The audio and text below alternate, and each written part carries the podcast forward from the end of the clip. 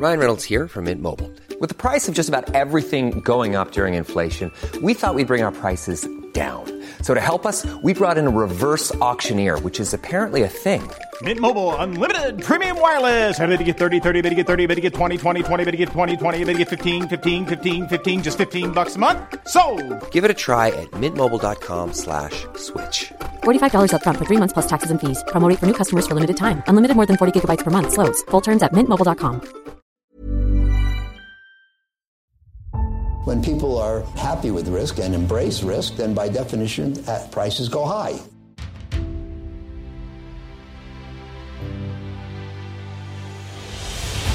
When the cycle turns down, they generally sell at prices that are far too low.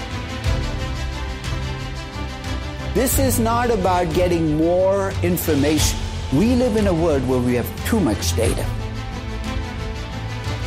I'm uh, happy to report another stable quarter.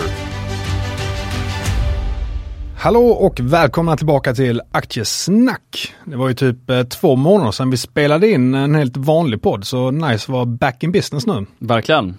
Och eh, idag ska vi prata lite rapporter, lite spaningar samt även avsluta med en eh, samarbetsintervju med Metacon i slutet på avsnittet.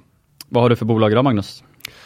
Duni och eh, lite gemensamt på Norbit eh, tror jag. Mm, stämmer bra. Du, då? du har en hel eh, rad bolag. Peter Ja, har varit det- jävligt taggad nu när jag var i Thailand.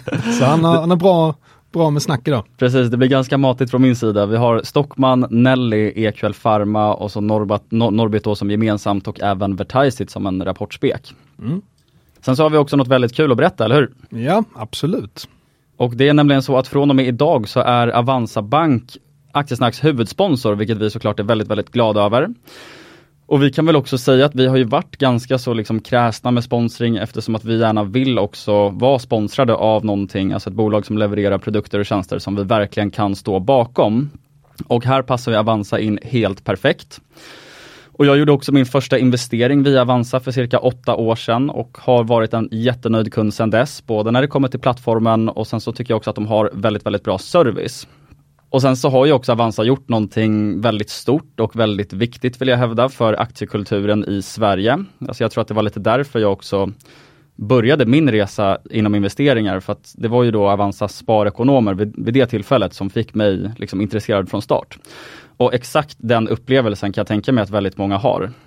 Nej, vi har en rätt sjuk aktiekultur i Sverige och Avanza är ju en del av det definitivt. Definitivt, definitivt. Och jag är också kund på Avanza och även på en internationell eh, nätmäklare och jag kan säga att det är ju sjuk klasskillnad verkligen på den internationella nätmäklaren och Avanza i kvalitet och interface och UX och allting.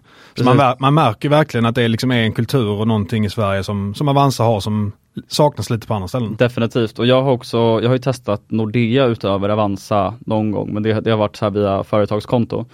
Men det, det är ingenting jag rekommenderar. alltså att ett så stort bolag som, som Nordea kan ha liksom en så dålig plattform det är för mig helt obegripligt. Men nu skulle Ja. vi prata om Avanza och, och de tycker vi är bra. Ja definitivt. Så har ni inte konto där, signa upp er. Definitivt, så vad säger vi då Magnus? Stort tack till Avanza. Stort tack! Och sen eh, hade du någon eh, spaning också tror jag Peter? Det stämmer bra. Jag tänkte börja med att prata väldigt kort om ARM Holdings som är ett superhett semiconductor och AI-bolag då som kom i rapport förra veckan och de var ju upp hela 60% intradag vilket är helt sjukt med tanke på att det här bolaget gjorde ju IPO i höstas som vid tillfället då många tyckte var ganska dyr. Och sen så har ju bolaget ett börsvärde på ungefär 120 miljarder dollar idag då så det var ju extremt mycket market cap som adderades här. Och det jag egentligen ville lyfta här det var jag tyckte det liksom florerade ganska konstiga grejer på Twitter, alltså så här kommentarer som inte riktigt makeade sense. Så lite så här i utbildande syfte så tänkte jag vara lite kritisk mot de kommentarerna. Och det var ju så här, oj det här bolaget har så högt P tal hur, hur kan liksom det gå upp så här mycket? Och de slog bara analytikerkonsensus eh, med 8% och aktien gick upp 60% och så menade man liksom att att det skulle vara helt, helt orimligt och galet. Men då vill jag bara säga att så här, det är sällan det när det kommer till en rapport som är det viktiga. Alltså så här, I Arms fall nu så var det ju uppenbart, tyckte jag i alla fall, att aktien gick så pass starkt för vd-ordet. För vdn sa i princip rakt ut att så här, marknaden exploderar, de kan dubbla priserna utan problem. Eh, de är i en de 97% gross margin, de har en marknadsposition som är helt galen och då spelar ju liksom bakåtblickande P kanske inte jättestor roll, i alla fall i min bok. Vi har tjatat ganska mycket om att framtida P är mycket viktigare. Och sen det här liksom argumentet att man slår analytikerkonsensus med x procent och att, och att aktien därför inte skulle kunna gå upp då, som till exempel ARM nu 60 procent på en dag. Det tycker jag också att Alltså det är ett väldigt konstigt argument och så borde man nog inte liksom analysera aktiemarknaden tycker jag. Nej men det är ju alltid en, eh, en tvåstegskombination. Det är ju dels bolaget och dels värderingen och eh, det känns som för några år sedan så kollade ingen på värderingen men nu kan man ofta se det som du säger att man liksom, man kollar inte alls på bolaget utan säger att det är P100 därför är det svindyrt. Men man mm. måste ju också se till hur bolaget är. Så det är ja, alltid liksom två, två delar som måste gå samman, man kan inte bara kolla på en av dem. Precis så, och sen så är det ju också jättestor skillnad på att så här, ja, siffrorna är en sak, men om man då kommer ut med en outlook eller guidance eller liksom framåtblickande datapunkter helt enkelt som mm. är sjukt bullish så får ju det såklart effekt på aktiekursen. Alltså det är inte bara siffrorna i förra kvartalet som spelade roll. Nej, verkligen. Och det var, det var lite det jag ville säga så här som en utbildande insight skulle man kunna säga då. Absolut. Och lite på det temat tänkte jag faktiskt också snacka och det är lite spaning angående Saabs rapport och det är lite det här med hur de här megatrenderna, hur länge de kan pågå. För att om vi kollar på exempelvis Saab så var ju det för två år sedan ett hatat bolag av många. Det var anti-ESG och så vidare. Och sen när Rysslandskriget hände så har ju aktien helt plötsligt blivit en fondfavorit och är upp 200 procent sedan dess. Och nu kom man med en ganska svag eh, rapport ändå och ändå så steg aktien på jättehög volym. Och man märker verkligen det att nu har ju det blivit en megatrend där man ska köpa försvarsbolag. Och jag tror att många kan nog tänka att man tar hem vinsten efter några månader när den trenden har börjat och sen så är nöjda. Men de här trenderna pågår ju ofta sjukt länge. Och kollar man på mm. till exempel IT-bubblan då sa ju Alan Greenspan det här berömda uttalandet med att det är irrational exuberance på marknaden, vilket det då var ju. Men det sa han 1996. Och sen pågick det fyra år till efter det.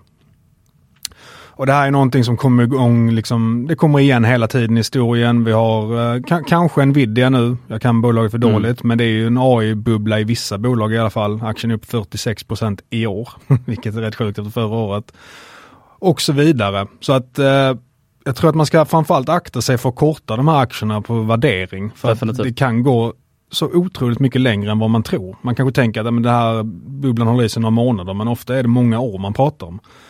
Så att jag är ju för mycket värdeinvesterare för liksom så rida en sån här våg men om man är lite duktig på timing och så vidare så tror jag att eh, där finns det pengar att tjäna. Definitivt. Bra insight Magnus.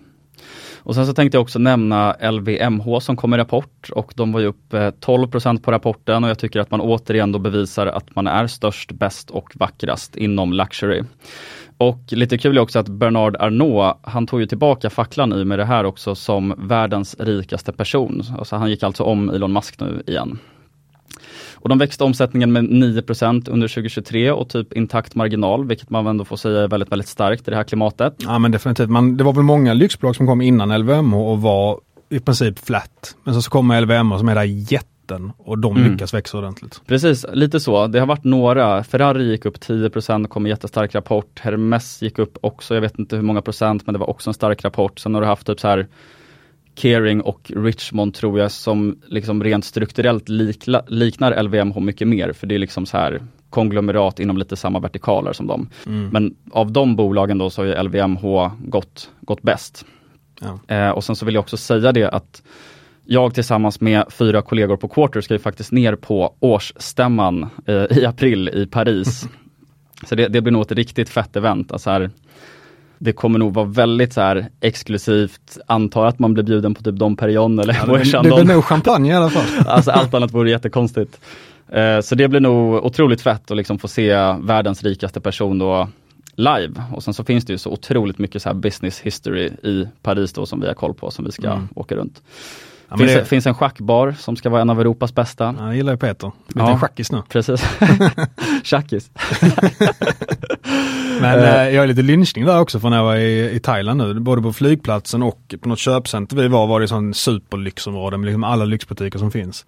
Båda gångerna var ju Louis Vuitton liksom den som stack ut. Det var liksom mm. störst butik, bäst läge, lös liksom mest. Det var mest liksom uh, guldigt eller vad man ska säga. Men den stack ut ordentligt. Mm.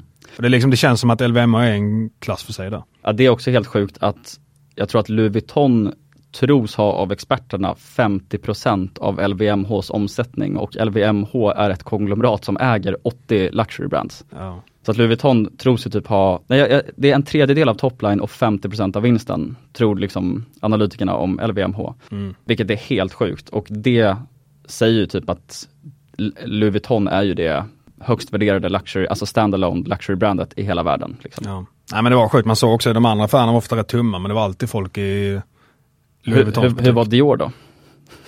Så, så mycket lynch jag inte. Nej okej. Jag har inte den detaljkunskapen Mm. men det var ju sjukt många butiker i alla fall. Det var liksom LVM och, eller så är Louis Vuitton stod ut liksom. Mm. Alltså Louis Vuitton och Dior är ju Bernard Arnaults liksom älsklingsbrands. Så det är liksom de som han tar hand om mest då. Ja. Och hans enda dotter är faktiskt, och förstfödda barn är faktiskt VD på Dior, vilket är lite, lite fint. Det var ju, hela LVMH-storyn började med Dior. Det var det första förvärvet han gjorde inom Luxury. Mm. Men eh, nästa spaning då.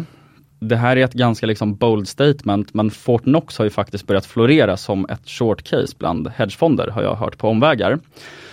Och den datapunkten som det snackas om, det är att Fortnox ska ha överdrivit antal users på något sätt. Och det här är ju som sagt en ganska liksom aggressiv anklagelse, så jag vill ju vara tydlig med att det här är inte någonting som jag har fått bekräftat, det är alltså bara ett rykte som har börjat florera. Och jag kan väl tänka mig att de skulle kunna ha överdrivit det här med typ samarbetet med Upsales och andra samarbetspartners, att, att de liksom har lagt det som users eh, i sin egen resultaträkning till exempel. Men, men jag vet inte riktigt. Eh, och sen så har vi också sett i, i boken på Holdings till exempel. Ja men exakt, för när, när du sa det här så var det ganska intressant för jag kollade på mest blankade aktier för ett tag sedan och sa att Fortnox var ändå ganska högt upp där. Så att nu när du sa det, jag gick in och kollade och aktien har ju gått från 2% blankat ungefär till ungefär 6 senaste året. Mm. Och det är ju en rejäl ökning så att det, det ligger förmodligen någonting i vad du, vad du säger. Sen exakt vad det är, det Precis. vet man inte riktigt. Och ofta kan vi också tillägga att de här hedgefonderna som är på kortsidan, alltså de gör ofta väldigt bra research. Så att det ligger såklart mycket research bakom att liksom floaten har förändrats Ja. på det sättet. Eh, sen så ovanpå det här så har ju också Fortnox bakåtblickande P80. Och sen så har man ju också sett så här när förvaltare uttalar sig om Fortnox tycker jag att det typ är lite slut på bra argument om jag ska vara ärlig. Nu fick man ju höra typ att AI-caset i Fortnox skulle vara underskattat liksom och det känns som att det, Buzzword. ja men det är så här, plocka liksom det mest populära buzzwordet och säga det utan att fokusera på core business egentligen. Det känns som att så här, det är lite sista utvägen för att typ motivera sin holding i Fortnox, tycker jag i alla fall. Jag skulle väl säga att risk-reward här känns ganska kass faktiskt. Ja. Nej, benägen att hålla med även om jag inte kan caset super. Så det känns så på ytan i alla fall. Ja. Sen har vi ju eh, veckans sågning också. Årets första, går ut starkt med ett personpåhopp direkt. och det är ju att eh, Jonas Eklind är back in business. Jag vet inte om du vet vem det är, jag tror inte det. Nej. Nej, han var ju mm, först vd för Morphic för ungefär tio år sedan, ett bolag som gick i konkurs. Men han är nog mer känd för att han var ju vd för Aselio nu, eh, som ju också gick i konkurs. och gick från några miljarder market cap till eh, ja, konken på två år egentligen. Och det var ju tiotusentals ägare där som blev lite vilseledda av Mr Eklind. Och sen så nu är han tillbaka igen som börs för ett bolag som heter Ekobot. Jag funderade faktiskt på det när han slutade på Aselio, vad ska han liksom göra nu? Men eh, det finns platser att gå till tydligen. Och en lite rolig anekdot är att när jag jobbade som analytiker back in the day så modererade jag i en gång. Och eh, då eh, några månader senare så knakade det lite i fogen hos Jazelio. Och då ringde jag honom och frågade om en grej som han hade sagt i presentationen och då svarade han lite irriterat att det har jag överhuvudtaget aldrig sagt. Och jag hade ju en YouTube-video där jag liksom hade ordagrant att han sagt den här grejen. Så att om han inte mindes eller eh, ljög, det låter jag vara osagt. Men eh, jag hade i alla fall inte investerat i ekobot nu, speciellt med tanke på att namnet betyder ju typ ekonomisk brottslighet. Ja, Jag hade hållit mig borta därifrån också. Ja, sen har inte det här någonting med ekonomisk brottslighet att göra. Jag tycker bara namnet är lite roligt. Mm. Så, men då har du något bolag att snacka om också tror jag. Mm, ja, men då kan vi börja med Stockman Group, det finländska bolaget då som består av Lindex och Stockman varuhusen som då är Finlands motsvarighet till NK kan man säga. Och det här bolaget har ju börjat få mer och mer uppmärksamhet, vilket jag tycker är jäkligt skoj. DI hade veckans aktie va, förra veckan? Stämmer bra. Eh, det var veckans aktie i DI och där gick ju också aktien upp på det och sen så har ju också Pontus Dacmo med Protean i spetsen köpt aktier och eh, han publicerade också en, en liten liksom take som han brukar göra i deras newsletter, vilket jag tycker är jättenice. Jag tycker att Pontus är extremt duktig. Jag, jag har stor respekt för den transparensen också, att de faktiskt är ett fondbolag som delger liksom publikt vad de tycker och liksom värderingsframeworks etc. Vilket jag tycker är skitsnyggt. Och det är Stockpicker på Twitter, jag vet inte om du sa det? Stämmer bra, stämmer bra. Eh, och jag är faktiskt inte förvånad att det är Pontus som typ är först bland fonderna också.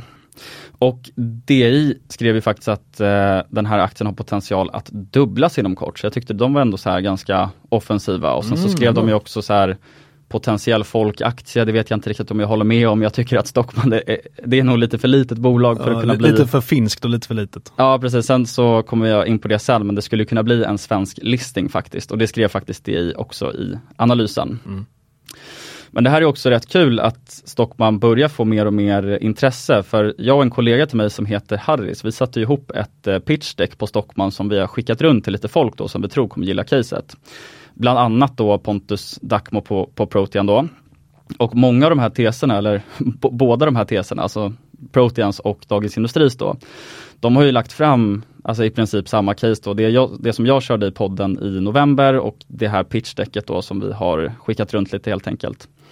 Eh, så jag tycker ändå att det liksom Det är Peter den store som har haft inflytande det, det är det jag försöker säga här. Det, det, det är jag som eh, har gjort att det här börjar bli ett case då helt enkelt. Ja, det är bra.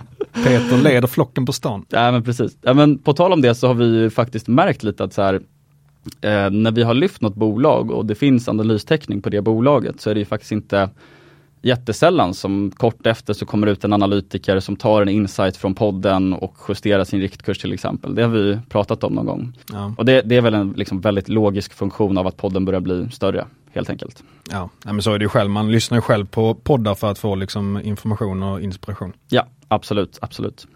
Och Stockman rapporterade också i fredags och det var ju ganska odramatiskt och det skulle jag säga var som väntat. Alltså det är ju inte kvartalsrapporterna då som kommer vara drivare i Stockman kommande året, tror i alla fall inte jag. Jag kommer tillbaka dit snart. Men eh, Lindex ökade omsättningen med 2,8% i lokalvaluta och ebit för koncernen ökade från 24,6 miljoner till 28,9 miljoner, det vill säga en ökning med 17% ungefär. Och 2024 guidance för adjusted ebit har vi på 80 miljoner euro på midpoint guidance. Jag förväntade mig faktiskt att aktien skulle gå upp lite men jag tror att den är typ flat från rapporten. Har den gått lite starkt eh, innan eller? Mm, den har väl gått upp sen vi pratade om det första gången i höstas så är den upp typ 25-30% Och jag äger fortfarande aktier här och tycker att samma case är intakt. Och jag har skalat av lite när aktien har gått upp men det är fortfarande en ganska, en ganska stor position. Och just det här att Stockman börjar få mer uppmärksamhet det tycker jag också är väldigt spännande i kombination med att fondägandet är så lågt som det är, runt 7 och det här var också en ganska tung variabel i den initiala pitchen som jag körde då. Och i kombination också med den här pågående rekonstruktionen som närmar sig sitt slut då.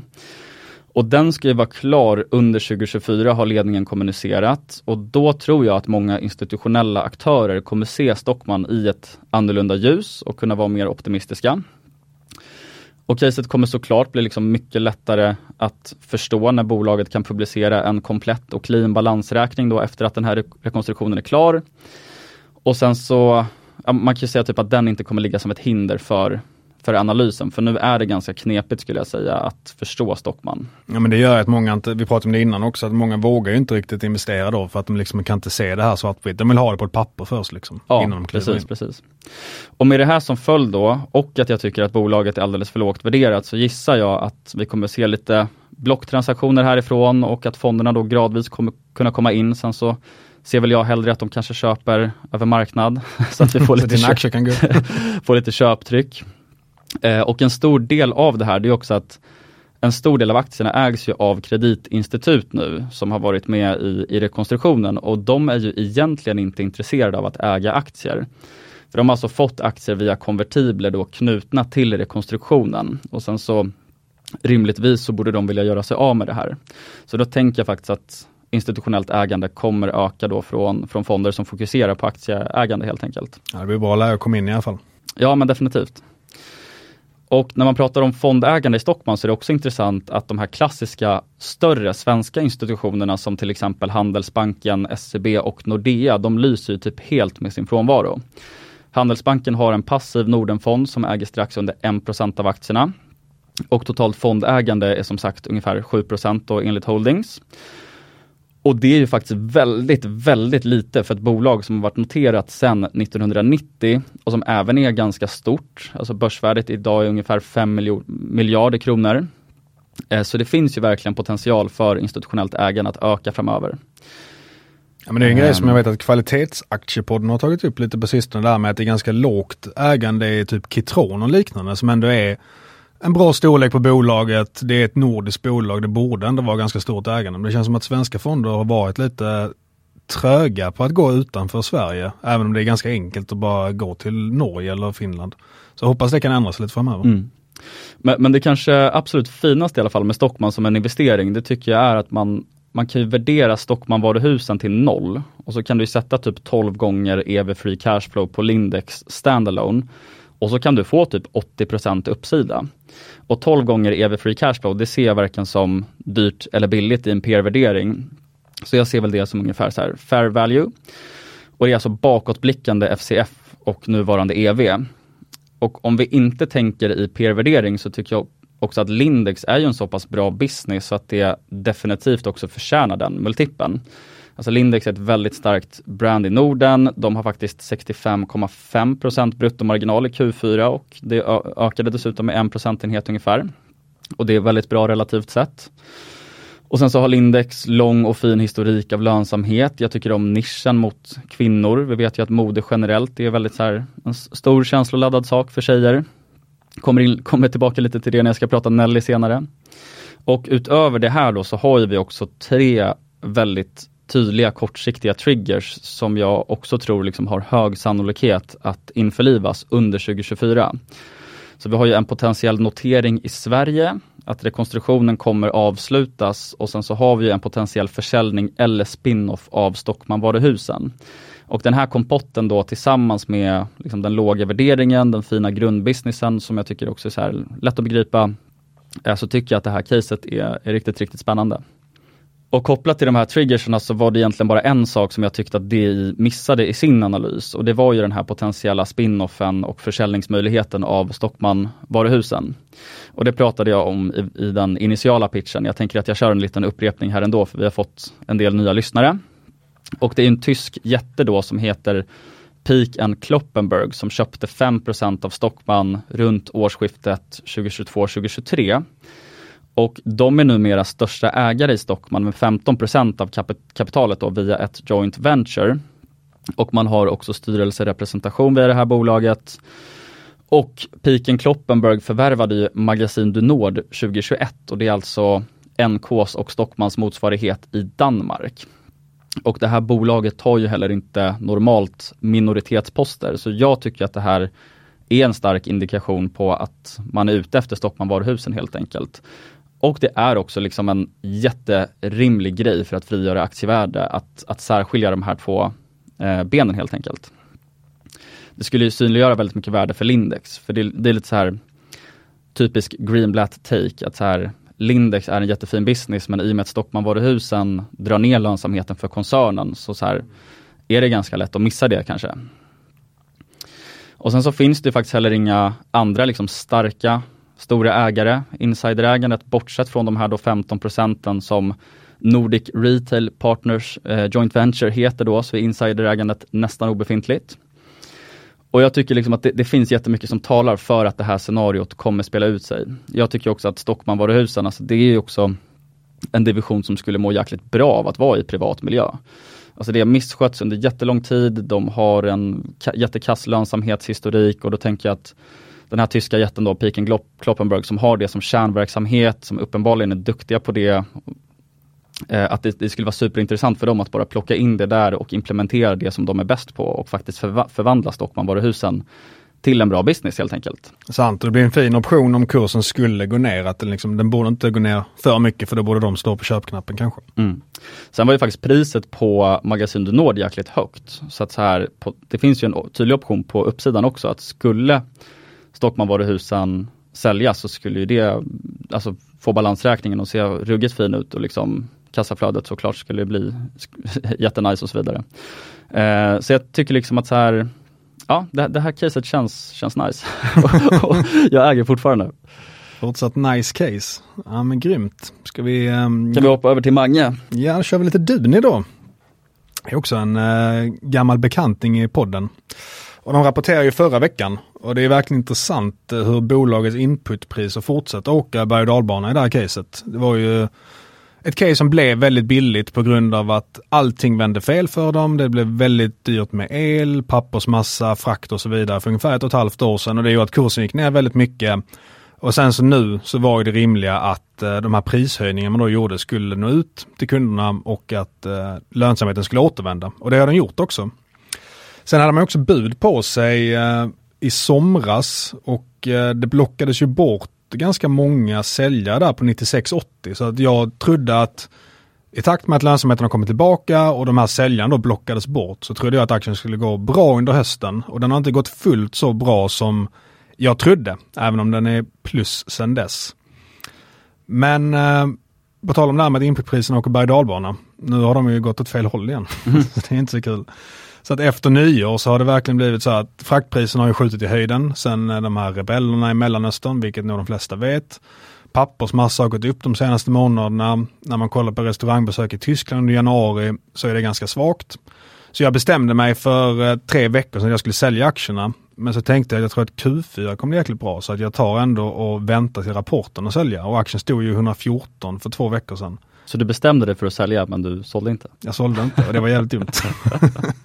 du var för slapp då, du låg på en strand i Thailand? Och ja men eh, lite var det så. Men mm. jag tänkte det, jag tror den kommer gå upp några procent på rapporten så då säljer jag då istället.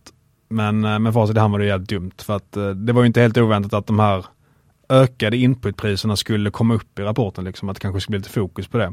Dessutom så var på rapporten svagare än vad jag trodde. Man hade organisk eh, minskning i försäljningen med nästan 5 så det var, jag trodde det skulle vara kanske minus en eller liknande. Så aktien gick ner 6% på rapporten och eh, ännu mer några dagar innan det. Så jag sålde på 102 istället för 114. Men eh, så blir det ibland. Men lyfter man blicken lite så är ju frågan hur det kommer bli 2024 nu. Det här kommer slå mot bruttomarginalen förmodligen lite igen. Men kommer aktien gå ner då som den gjorde för ett och ett halvt år sedan när man såg att det är liksom bara en tillfällig grej? Marknaden är ju jävligt kort i minnet men frågan är om den är så kort att liksom den minns inte vad som hände för ett och ett halvt år sedan. Så att eh, om den går ner mycket på det här så kommer jag glatt köpa men eh, frågan är om den gör det.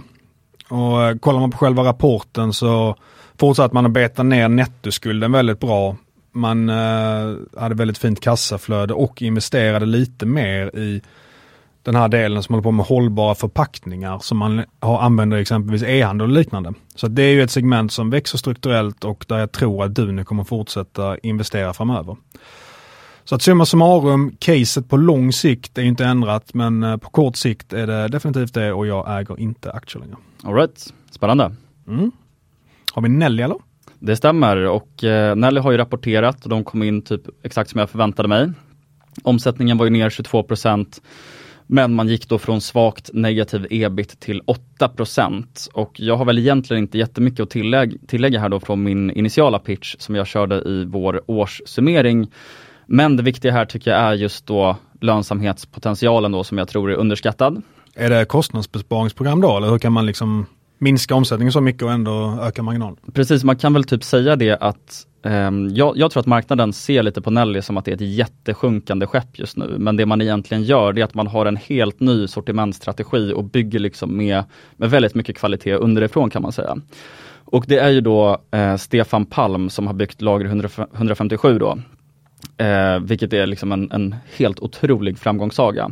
Han köpte ju 17% av Nelly Eh, jag minns inte exakt när det var, men typ så här ett och ett halvt år sedan och det är han som har då implementerat den här då nya sortimentstrategin helt enkelt.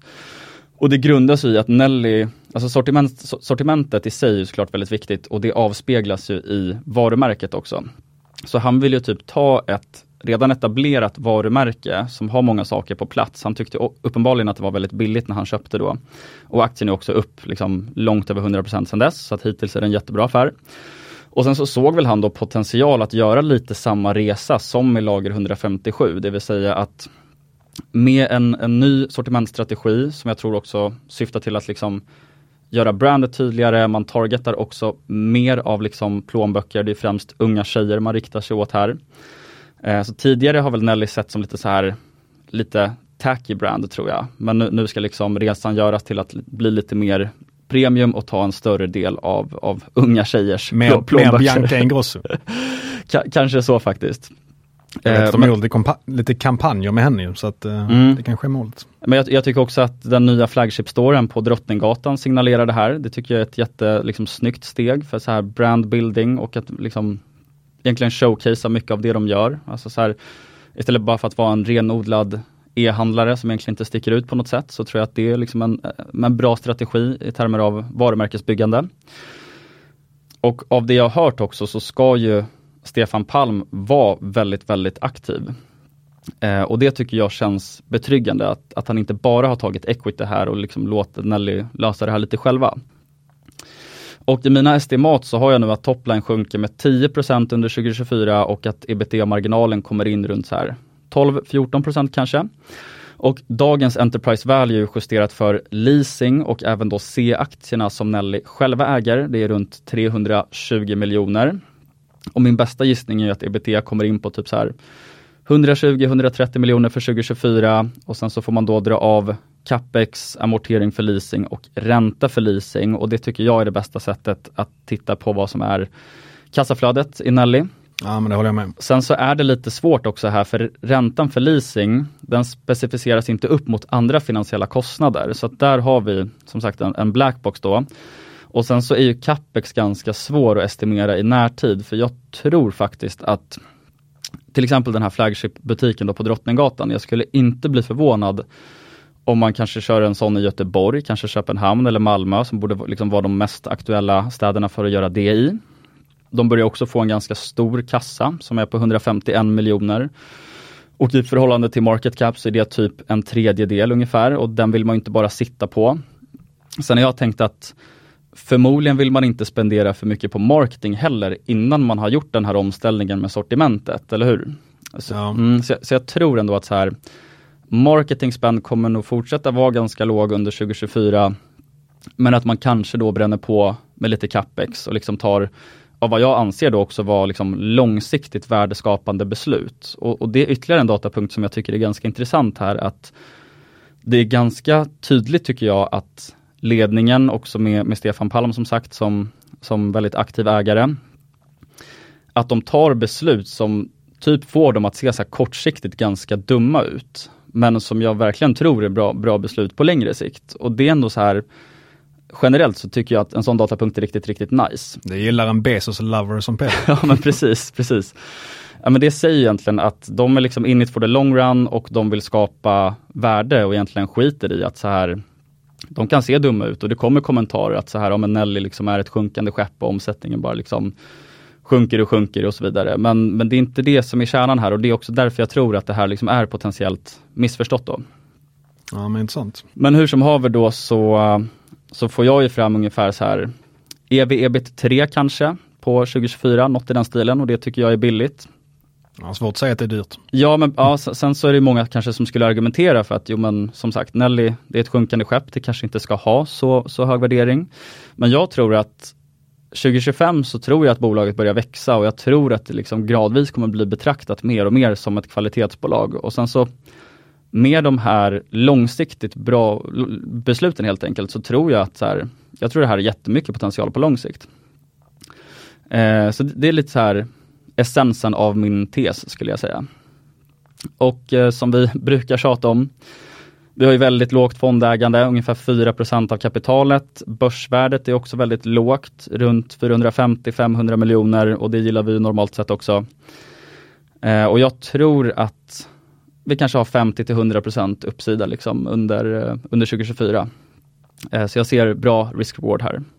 Sen tänkte jag också nämna en ganska intressant matematisk effekt också kopplat till Enterprise Value och när nettokassan är väldigt stor i förhållande till market cap. För då blir ju bolaget exponentiellt dyrare när, alltså när det går upp och samma sak på nedsidan om aktien går ner. För om vi tar till exempel Cefello som jag har diskuterat med ganska många. Om jag då hävdar så här, jo men vi kanske har EV free cash flow på 2 på 2024 och så är det någon som skriver, ja men vad fan då borde ju typ Cefello liksom 5xa, alltså så här under 2024. eh, men om vi har då, som i Cefellos fall, typ ett börsvärde på 400 miljoner eh, ursäkta, eh, ett börsvärde på 200 miljoner och ett Enterprise Value på 100 miljoner. Om aktien dubblas i pris och börsvärdet går från 200 till 400 miljoner, då går ju EV från 100 till 300. Eller hur? Mm. Så att du får liksom som, ja det blir en exponentiell effekt på det Ja, sättet. det blir lite krockkudde neråt men det blir lite segare uppåt också. Ja, e- exakt så. så att, eh, och det är, till, det är så aktieanalytiker också som, som jag vet är skitduktiga som inte verkar rikt, riktigt ha greppat den delen. Så jag tänkte säga det att det är så här, när man kollar på case som typ Nelly och Cefello så är ju det jätteviktigt för att räkna sin framtida kagger eller IRR eller vad man nu vill använda för begrepp. Att så här, det är helt enkelt så, så det funkar då. Grymt, ska vi ta lite gemensamt innan då kanske Nobit? Ja men jag har väl inte supermycket att säga om Norbit förutom att jag tror att det är en ganska intressant rapportspek. De rapporterar ju om tre dagar va? Mm, exakt, torsdag. Håller du med om det?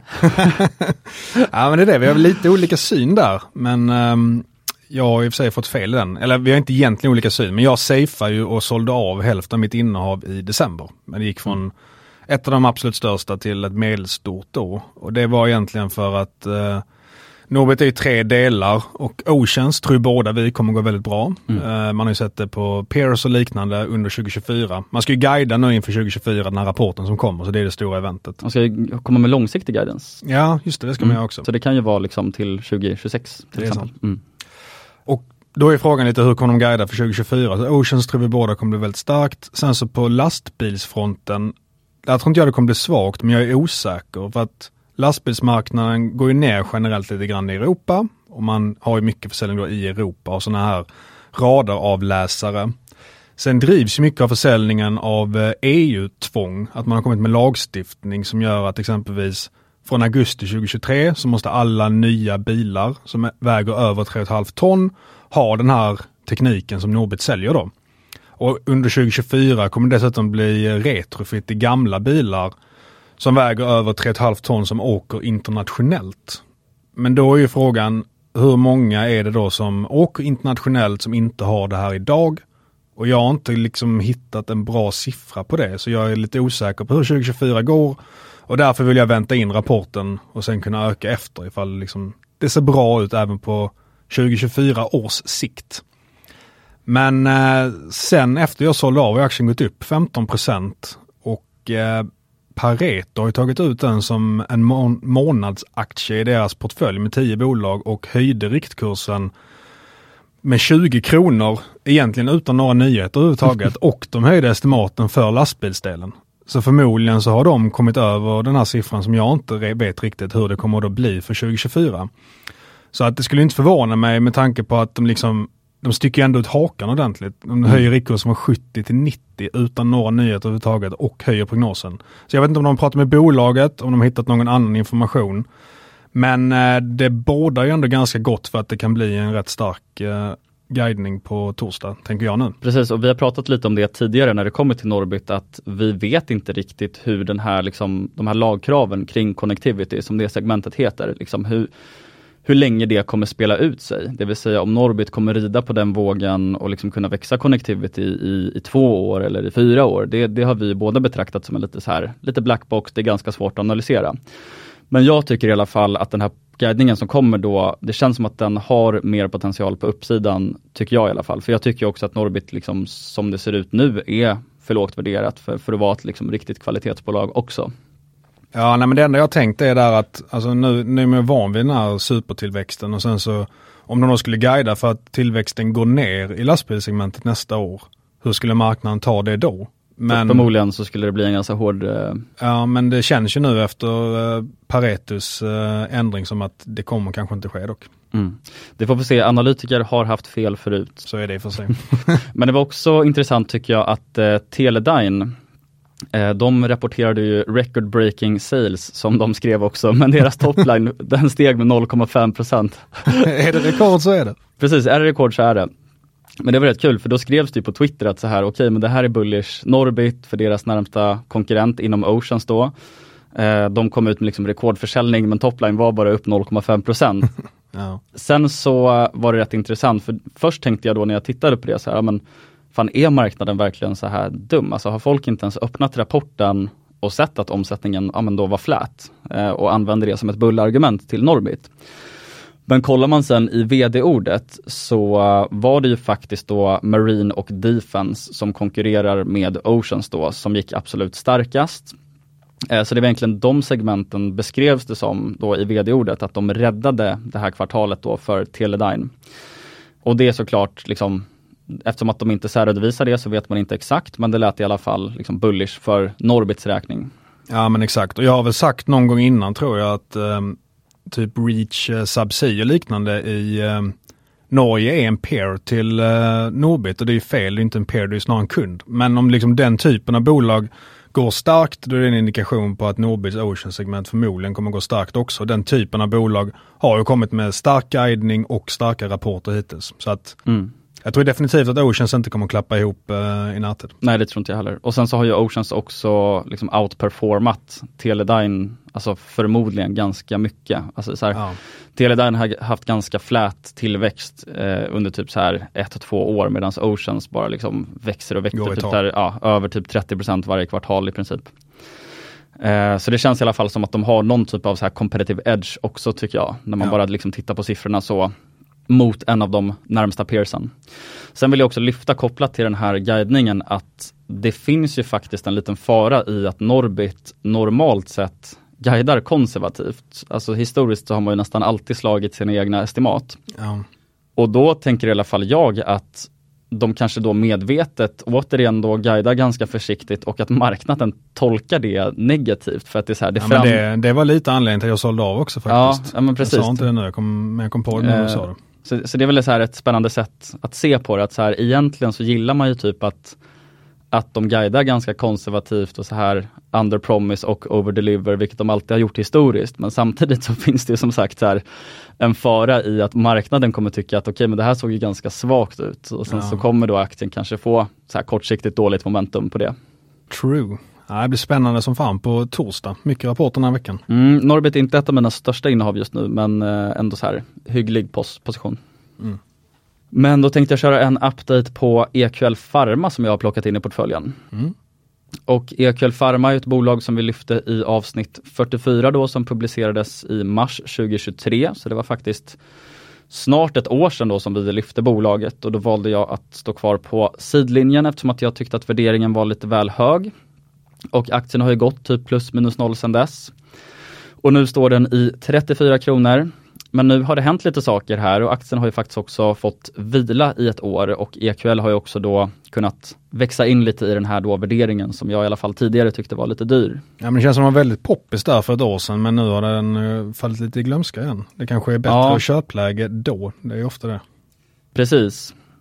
Och kort om EQL då, eftersom att det var så länge sedan vi snackade om det, så är ju det ett svenskt läkemedelsbolag med ungefär en miljard i market cap som utvecklar och säljer generika främst på den nordiska marknaden. Och för de som inte känner till det så är ju då ett originalläkemedel ett helt nytt läkemedel som skyddas av patent. Men när patentet löper ut så får då kopior av originalläkemedlet tillverkas och säljas även av andra bolag. Och de här kopiorna, det är alltså det som kallas för generiska läkemedel eller generika. Så att generika kan ju ha exakt samma funktion och kvalitet som ett originalläkemedel, men har då som fördel att de allt annat lika då har mycket lägre utvecklingskostnader, men en nackdel är såklart att de inte skyddas av patent. Så priset blir mycket lägre? Exakt, exakt så. Och det som framförallt är intressant med EQL, det tycker jag är deras här alltså strategi, kapitalallokeringsstrategi som då grundas i att EQL går ju in på marknader som har väldigt låg eller obefintlig konkurrens och där prisbilden också är ganska lätt att estimera. Och där marknaden eller nischen också är så pass liten att den inte är attraktiv för de större då läkemedelsbolagen. Så man försöker verkligen så hitta en sweet spot för ROIK då utifrån de här ramarna kan man säga. Och rent operationellt så borde det här också innebära liksom bra potentiell uppsida till ganska begränsad risk tycker jag. Och det säger också management själva om den här strategin. Så min bild är ju att det här är lite av ett så här execution och management case. Och hur som helst då så tror jag ju att det finns två anledningar till att aktien gick ner en period och är flat ungefär year over year. Först och främst då så har ju Christer Foreus, en av grundarna, han har ju sålt 1,7 miljoner aktier i olika omgångar mellan mars och december 2023. Och det är såklart en ganska signifikant försäljning också eftersom det motsvarar ungefär då 6% av bolaget och 20% av hans eget innehav. Och Christer Foreus grundade då för övrigt EQL Pharma 2006 då tillsammans med Karin Velin då och han är näst största ägare i bolaget just nu med 24% av kapitalet. Och Christer Foreus Eh, kanske inte behöv, behöver liksom beskrivas närmare men han har ju väldigt hög status inom medicinteknik och har nog blivit miljardär tror jag. Han borde vara det. Han har ju grundat Cellavision också som han kanske är mest känd för. Men intressant i alla fall kopplat till hans försäljning, det är att han har ju bland annat sålt då till VD Axel Körling och affärsutvecklingschefen då Carl Lindgren som är ny på EQL sedan augusti 2023. Eh, och till institutionella investerare också för att stärka ägarbilden och då skapa incitament hos, hos nyckelspelare då i Axel och Carl. Och institutionellt ägande var ju någonting som vi lyfte när vi pratade om EQL förra gången. Det vill säga att det här bolaget, det antar jag att du håller med om Magnus, att alltså det här checkar typ alla boxar för att bli en sån jäkla fonddarling tycker jag. Det är så här ocykliskt, det är väldigt så här diversifierat, det är en VD som är ung och sjukt karismatisk. Jag tycker att när man kollar på presentationer så är det här ett av bolagen som typ kanske är bäst på att argumentera liksom ur ett typ aktieägarvänligt perspektiv. Jag tycker om så här, terminologin som Axel använder, liksom, den är så sjukt spot on för att prata med investerare. Ja men för de som kan läkemedel så borde det definitivt vara det. Sen kan jag tänka mig att vissa tänker att ja, men det är lite för svårt med generika och så vidare. Men mm. för de som liksom gillar AstraZeneca, och det är ganska många, då borde det här kunna vara någonting som definitivt är intressant att kolla på. Absolut. Och nu ligger ju också ett eh, listbyte från Spotlight Stock Market runt hörnet. Och man har börjat samarbeta med Carnegie vad gäller analystäckning och mäkleri. Och tidigare var ju typ det ett problem att så här, insiderägandet var typ 65% och det är också lite intressant att vi vi gillar insiderägande men ibland kan ju typ det nästan vara för högt för det finns ingen free float. Ja. så här, även om bolaget är över en miljard i market cap och alltså så här, det, det, finns ingen likviditet för institutioner att komma in så det blir typ ett bolag lite bortglömt ibland kan man säga. Ja. Eh, men nu har man i alla fall här, tagit några initiativ för att eh, få upp institutionella ägandet i alla fall. Eh, och sen så när det kommer då till operations och, och, om vi kollar på caset där då så caset är väl egentligen typ exakt samma som när vi pratade om EQL förra gången. Men nu finns egentligen två viktiga skillnader tycker jag. Och det första är då att antibiotikakrisen som troligtvis har legat som en våt filt över aktien, den är nu över, eller i alla fall när som helst över. Vad var det för kris? Kort och gott så kan man säga att antibiotikakrisen uppstod ju främst på grund av höga elpriser och att då underleverantörer har skiftat fokus eller då skurit ner på det här segmentet. Och det har varit typ så här, jag, jag tror att det representerar typ 40% av EQLs topline. Men nu har det då från statligt håll, för att det här är liksom så viktigt i samhället, så har man subventionerat det här då för att skapa incitament att, att det här ska återgå till det normala helt enkelt. Alltså under leveransen helt enkelt av antibiotika API-er. Och det här är liksom som sagt 40% av EQLs topline eh, ungefär och även ett hör, högmarginalsegment för EQL. Så deras siffror senaste kvartalen har ju sett ganska svaga ut, typ så här bruttomarginalen har sjunkit och så vidare. Och det här tror i alla fall jag kommer vända härifrån helt enkelt. Jag tror inte att det kommer hända i det, jag tror att de rapporterar eh, onsdag den här veckan och det kvartalet tror jag kommer vara lite samma trend men kvartalet vi ser efter det, då tror jag att det kan bli lite så här catch-up-effekt liksom att det här är tillbaka. Eh, de har också, kommer ha åtta nya preparat på marknaden och sen så har vi även den variabeln i att den här opportunistiska satsningen som de gjorde på covid-tester, eh, de kvartalen kommer inte liksom störa jämförelsen year over year längre. Så att mer av det som är EQLs core business kommer synliggöras och year over year metricsen kommer liksom se mycket mer attraktiva ut. Bruttomarginalen kommer komma tillbaka etc. Så det tror jag kommer vara så här, det, kommer, det tror jag kommer vara eventuellt lite så här catch-up-effekt, att det kommer mm. bli riktigt, riktigt nice för aktien. Sen har vi då den andra viktiga skillnaden för caset och det är så här Förmodligen så har det varit en ganska stor oro kring Foreus försäljningar då som har liksom lagt sig som en våt filt över aktien. Eh, och det tror jag är lite historia nu. Det återstår ju att se om han ska sälja ännu mer och det hade man väl såklart inte tyckt om.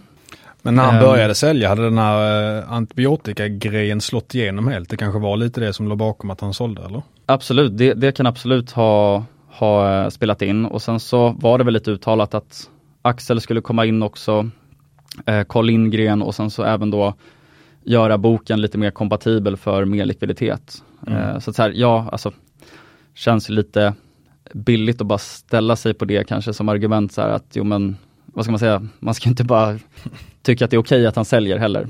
Eh, så jag, jag, tycker väl liksom att så, såklart någon negativitet till försäljningarna också då. Och utöver det här så har ju faktiskt Niklas Ramstedt som har otroligt bra track record inom medtech tagit en hygglig position i EQL också. För det är bara... väl eh, Mr Bonex äh, investeraren? That's right, that's right. Mm. han tog position i EQL för bara någon månad sedan. så jag tycker att det väger ju också upp liksom frågetecknet kring ägarbild lite. och det är också en datapunkt som jag gillar väldigt mycket då.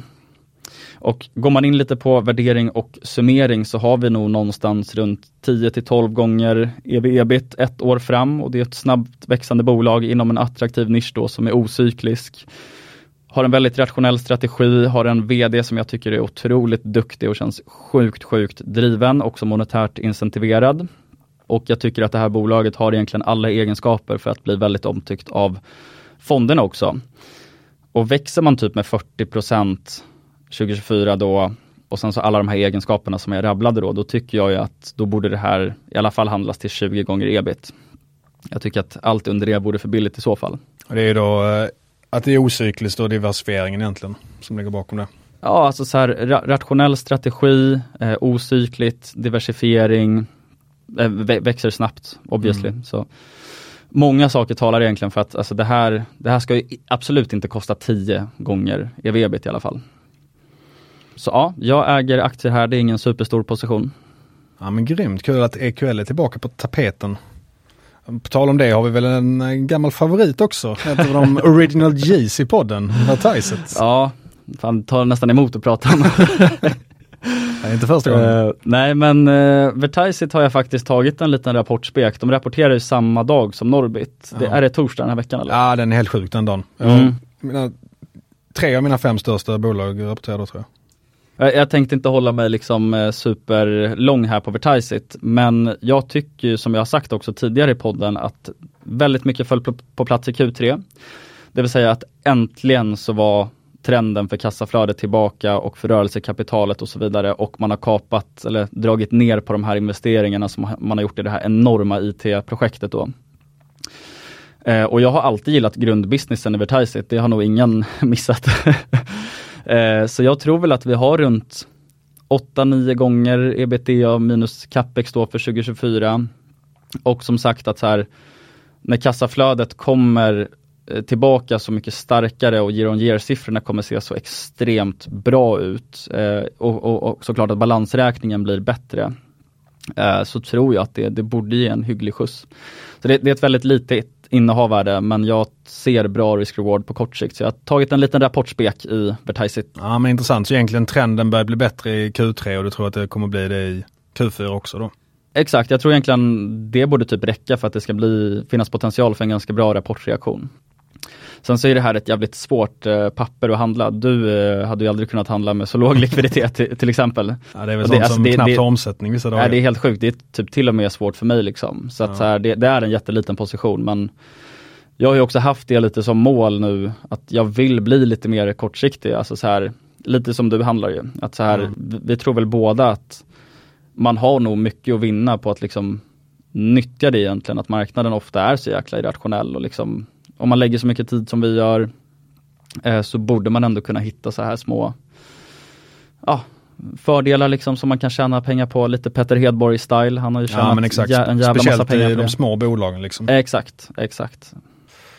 Ja men grymt, med det var vi nog klara med de bolagen. Ska vi gå över till intervju med Metacon? Det gör vi tycker jag.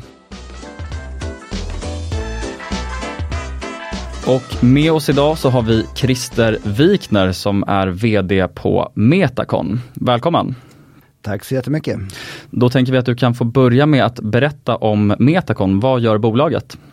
Ja, Metacon är ju ett eh, svenskt listat bolag på First North. Vi är eh, det enda bolag i Sverige tror jag som har ett renodlat fokus på vätgasproduktion. Och det har vi ju styrt bolaget till de senaste åren kan man säga från att ha varit en eh, eh, ja, ett teknologibolag inom vätgas men med lite olika applikationer. Vi har kvar de flesta av de här möjligheterna och applikationerna i grunden. Men på slutet så har vi verkligen försökt fokusera på att vara med i produktionsdimensionen kan man säga av vätgasmarknaden. Då. Och det finns en anledning till det. Det är att eh, vi eh, vänder oss då till alla som behöver grön vätgas eller fossilfri vätgas då som för oss är, är grön vätgas. Då. Eh, vilket gör att hela vätgasmarknaden blir våra kunder. Eh, oavsett om det är stålverk som ska göra grönt stål eller om det är transportsektorn som behöver samma gröna vätgas för eh, bussar och lastbilar och bilar och så. Så att där tycker vi att vi har vi har byggt ett, en strategi nu som är eh, ja, så pass, vad ska man säga, låg risk som möjligt skulle man kunna uttrycka det. För vi, vi, vi satsar inte på en, en enskild teknologi eller en komponent i det här utan vi, vi vill ha hela framtida vätgasmarknaden som, som vår marknad. Jag förstår.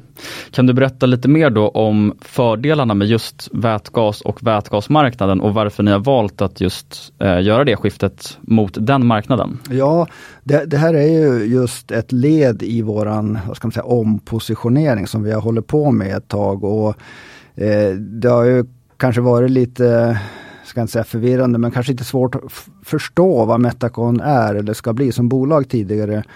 Eh, men jag tror att nu med det här senaste eh, avtalet som vi kunde äntligen annonsera då med kinesiska Peric där vi licensierar deras elektrolysteknologi och vill bygga elektrolysörer då som är den eh, ska man säga, dominerande teknologin för grön vätgas idag själva. Då plockar vi in även den teknologin i Metacon i, i vårt bolag och då tror jag att alla ser lite lättare att vi bygger ett bolag som, som är just riktat mot eh, utrustning för vätgasproduktion. Då. Och, eh, och varför gör vi det? Jo, det, det är ju väldigt enkelt. Det är ju att eh, vi ser inte överhuvudtaget att den här omställningen som eh, världen behöver och som alla satsar på och som EU pratar om eh, på högsta nivå och sätter stora pengar mot och liksom USA att det ska funka utan vätgas. Utan vätgas är en nyckelteknologi i den omställningen framåt. Så det är egentligen huvudanledningen och vi är precis i början. Det är, det är alltid så när det är stora förändringar. Det är egentligen samhällsförändringar och omställningar av stora gamla industrier som ska göras. Det går inte över en natt men det är det som vi har, har positionerat oss mot nu och byggt en plattform för att kunna vara med och ta en, en ledande roll inom helt enkelt framåt. Då. Och jag såg också på eran, eh, eran topline eller omsättningstillväxt de senaste åren att den har varit eh, väldigt kraftigt uppåt så att säga. Är det då därför, eller vad ska man säga, anledningen till det, är det då det här skiftet ni har gjort och du tycker att ni har gjort det framgångsrikt då? Det, det är en kombination av saker skulle man kunna säga. Dels är det ju att från att ha varit en lovande teknologi som, som har varit uppenbar för många eh, under många år att vätgas är en, en, en fantastiskt eh, spännande teknologi eller man ska säga så, som kan göra de här sakerna. Men det har inte riktigt hänt förut. Va? Det har det varit omoget av ett antal anledningar.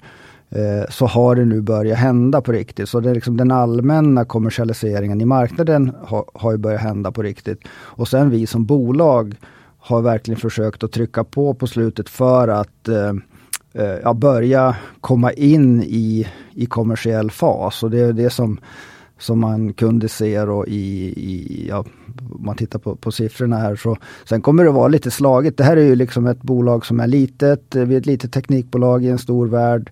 Eh, vi behöver göra den här resan på ett, ett, ett logiskt sätt för oss.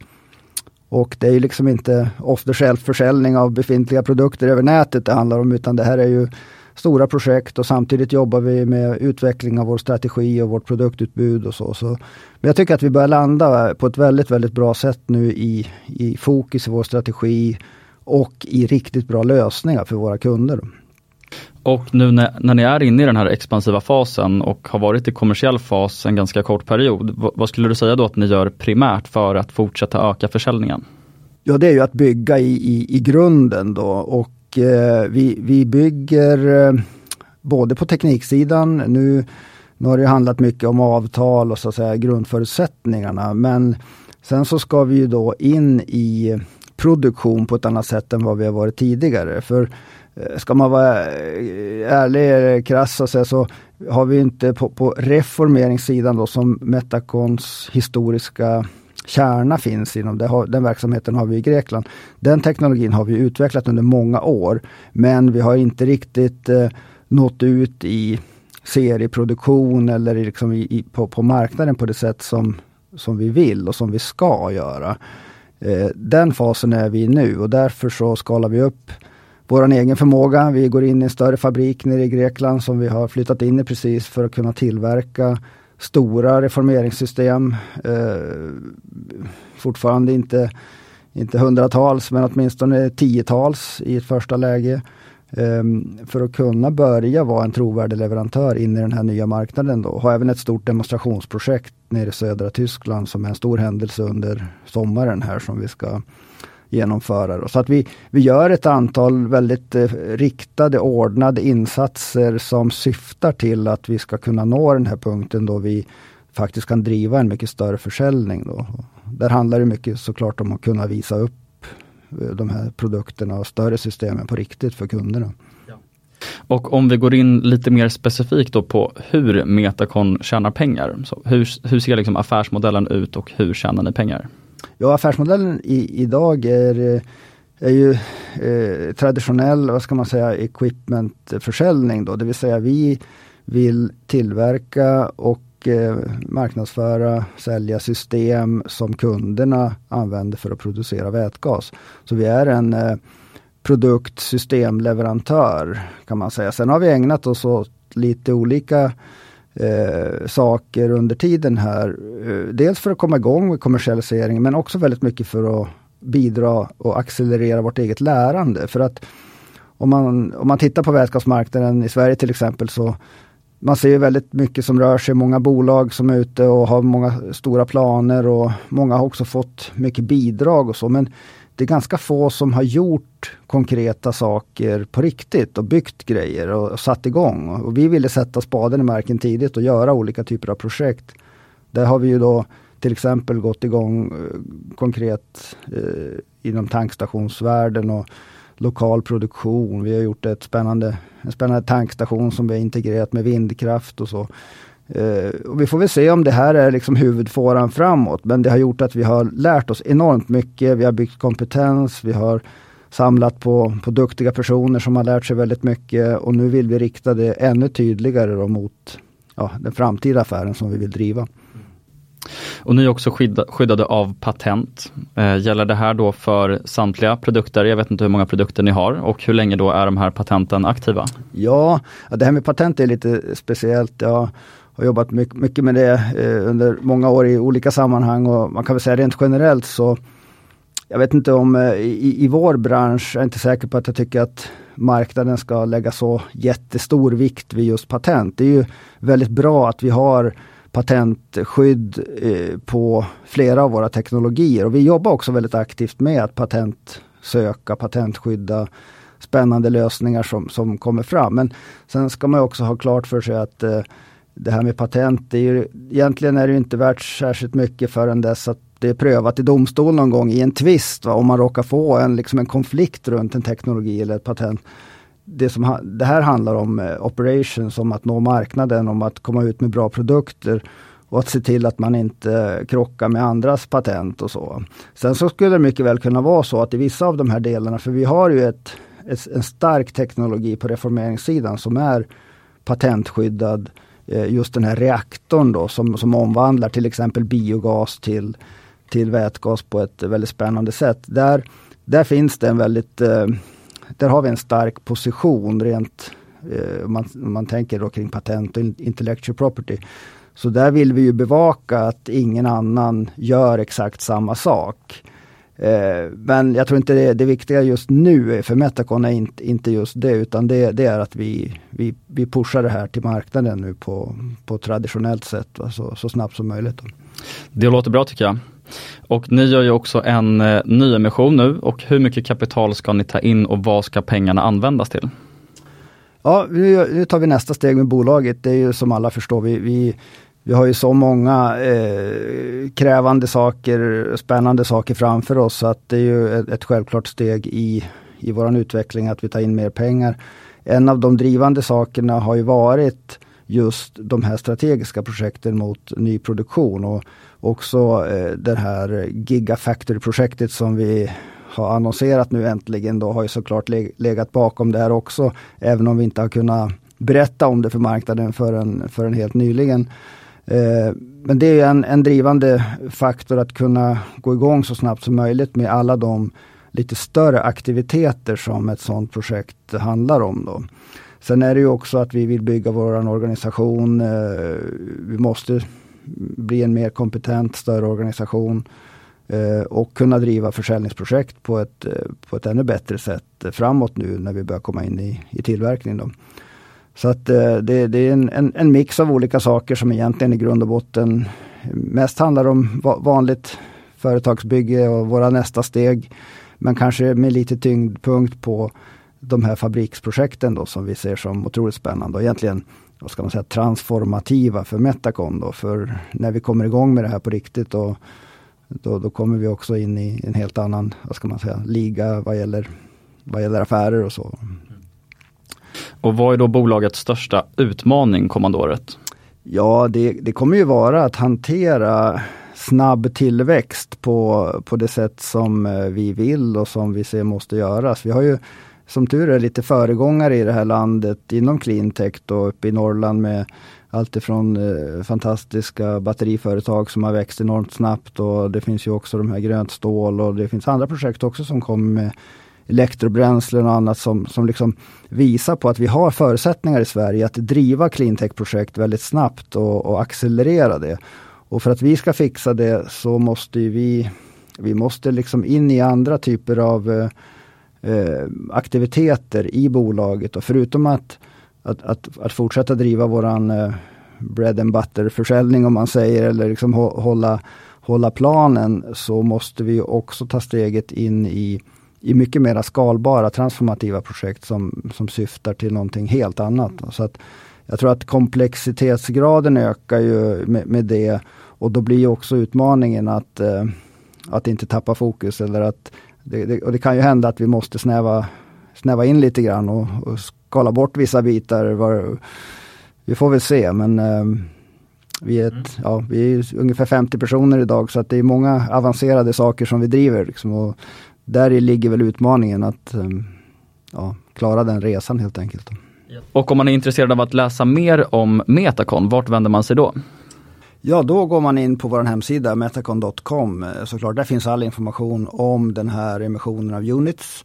Och vi har även hjälp av Nordic Issuing som, eh, som också har detaljkoll. Där kan man också gå in och man kan mejla dem också med, med frågor om, om, om själva emissionen. Då. Så där hittar ni allt. Och en avslutande fråga, varför ska man investera i Metacon? Ja det tycker jag är den, den lättaste frågan att svara på. för eh, det, eh, nej men Metacon är ett, ett, ett väldigt unikt bolag så som vi har byggt det nu. Det finns nästan inget annat liknande företag som har eh, den här typen av plattform mot grön vätgas. Då. Och man ska ha klart för sig att eh, det här med, med, grön vätgas eller fossilfri vätgas, det håller på att bli en eh, enormt stor marknad. Och eh, där har vi lösningar för alla olika kundgrupper egentligen. Och på elektrolyssidan, där med det här senaste eh, projektet nu runt en gigafabrik och så, där ser vi att vi har möjlighet att komma in med affärer på en helt ny nivå mot europeiska behov som är oöverstigliga egentligen. Produktionskapaciteten i världen idag är inte i närheten att kunna möta de projekt och planer som redan är annonserade för elektrolysörer. Då. Så att eh, där har vi en enorm möjlighet att, eh, att liksom förändra bolaget i grunden. Sen på reformeringssidan så börjar vi äntligen komma eh, till det läge då vi, då vi kan möta grön vätgasbehov på platser i länder där man inte har tillgång till grön el.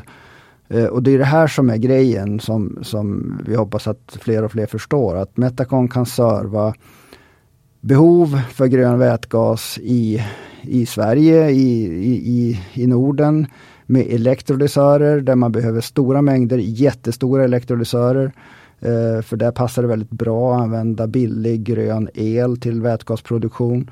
Men till exempel i Tyskland där man vill köra sin transportsektor mer och mer på vätgas. Man, man har väldigt många tankstationer där men där är det grå eller naturgasbaserad vätgas i de här tankstationerna. Där finns det 10 000 biogasanläggningar redan på plats där vi skulle kunna hjälpa till att göra en grön vätgasproduktion lokalt med inhemsk grön råolja som jag kallar biogasen va, som, som utgångsämne för för deras gröna vätgasbehov. Så att jag tycker Metacon är ett unikt bolag teknikmässigt och vårt erbjudande matchar väldigt bra de behov som vi ser växa fram. Då. Och då vill man, är man intresserad av vätgasmarknaden och grön teknik och framtiden och så tillväxt, eh, då tycker jag att vi har ett väldigt spännande eh, erbjudande.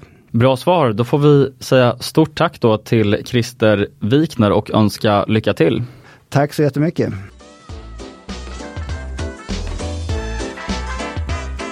Suveränt, så med det får vi sammanfatta dagens avsnitt. Eh, kul att vara back in business och eh, snacka bolag ordentligt igen. Eh, och tack Avanza igen, vår nya huvudsponsor. Jättekul att ha med dem i podden. Och sen får ni jättegärna gå in och ge betyg ifall ni gillar podden på Spotify och liknande. Skit i det om ni inte gillar podden. och gärna prenumerera också på podden. Jag tror att det, det, det, är lite snårigt att ge betyg på Spotify nu, men om man, om man går in på podden så ser man liksom som en, en liten stjärna och så kan man ge betyg upp till fem stjärnor. Så det vore väldigt bussigt om ni ville göra oss en, en liten, liten tjänst som tar några sekunder. Och så vill jag också säga det att det hjälper ju folk att hitta till podden och om podden växer och vi får lite mer resurser och när vi pitchar till intervjuobjekt så spelar det såklart jättestor roll hur, hur stor reach vi har och så vidare. Så att det hjälper ju också, också oss att, att liksom landa fetare intervjuer kan man säga. Eh, vilket vi också tänker såklart eh, blir ett högre lyssnarvärde. Ja, absolut. Så, så vi ser väl en win-win där. Ja men absolut, så med det säger vi stort tack för den här veckan. Eh, tillbaka med ett eh, rapportspäckat avsnitt eh, om två veckor då. Så Precis, och sen så har vi några riktigt nice intervjuer. Mm, vi har dem uplined. Mm. Men kul att vara tillbaka och kul att ha dig tillbaka från Thailand Magnus. Ja. Du ser inte så brun ut. jag blir beige ibland. Men ja, ja. Äh, inte den här gången tyvärr, jag gömde mig i skuggan mycket. Nej, men eh, stort tack för att ni har lyssnat allihopa. Stort tack, mm. ha det underbart. Ciao! ciao, ciao.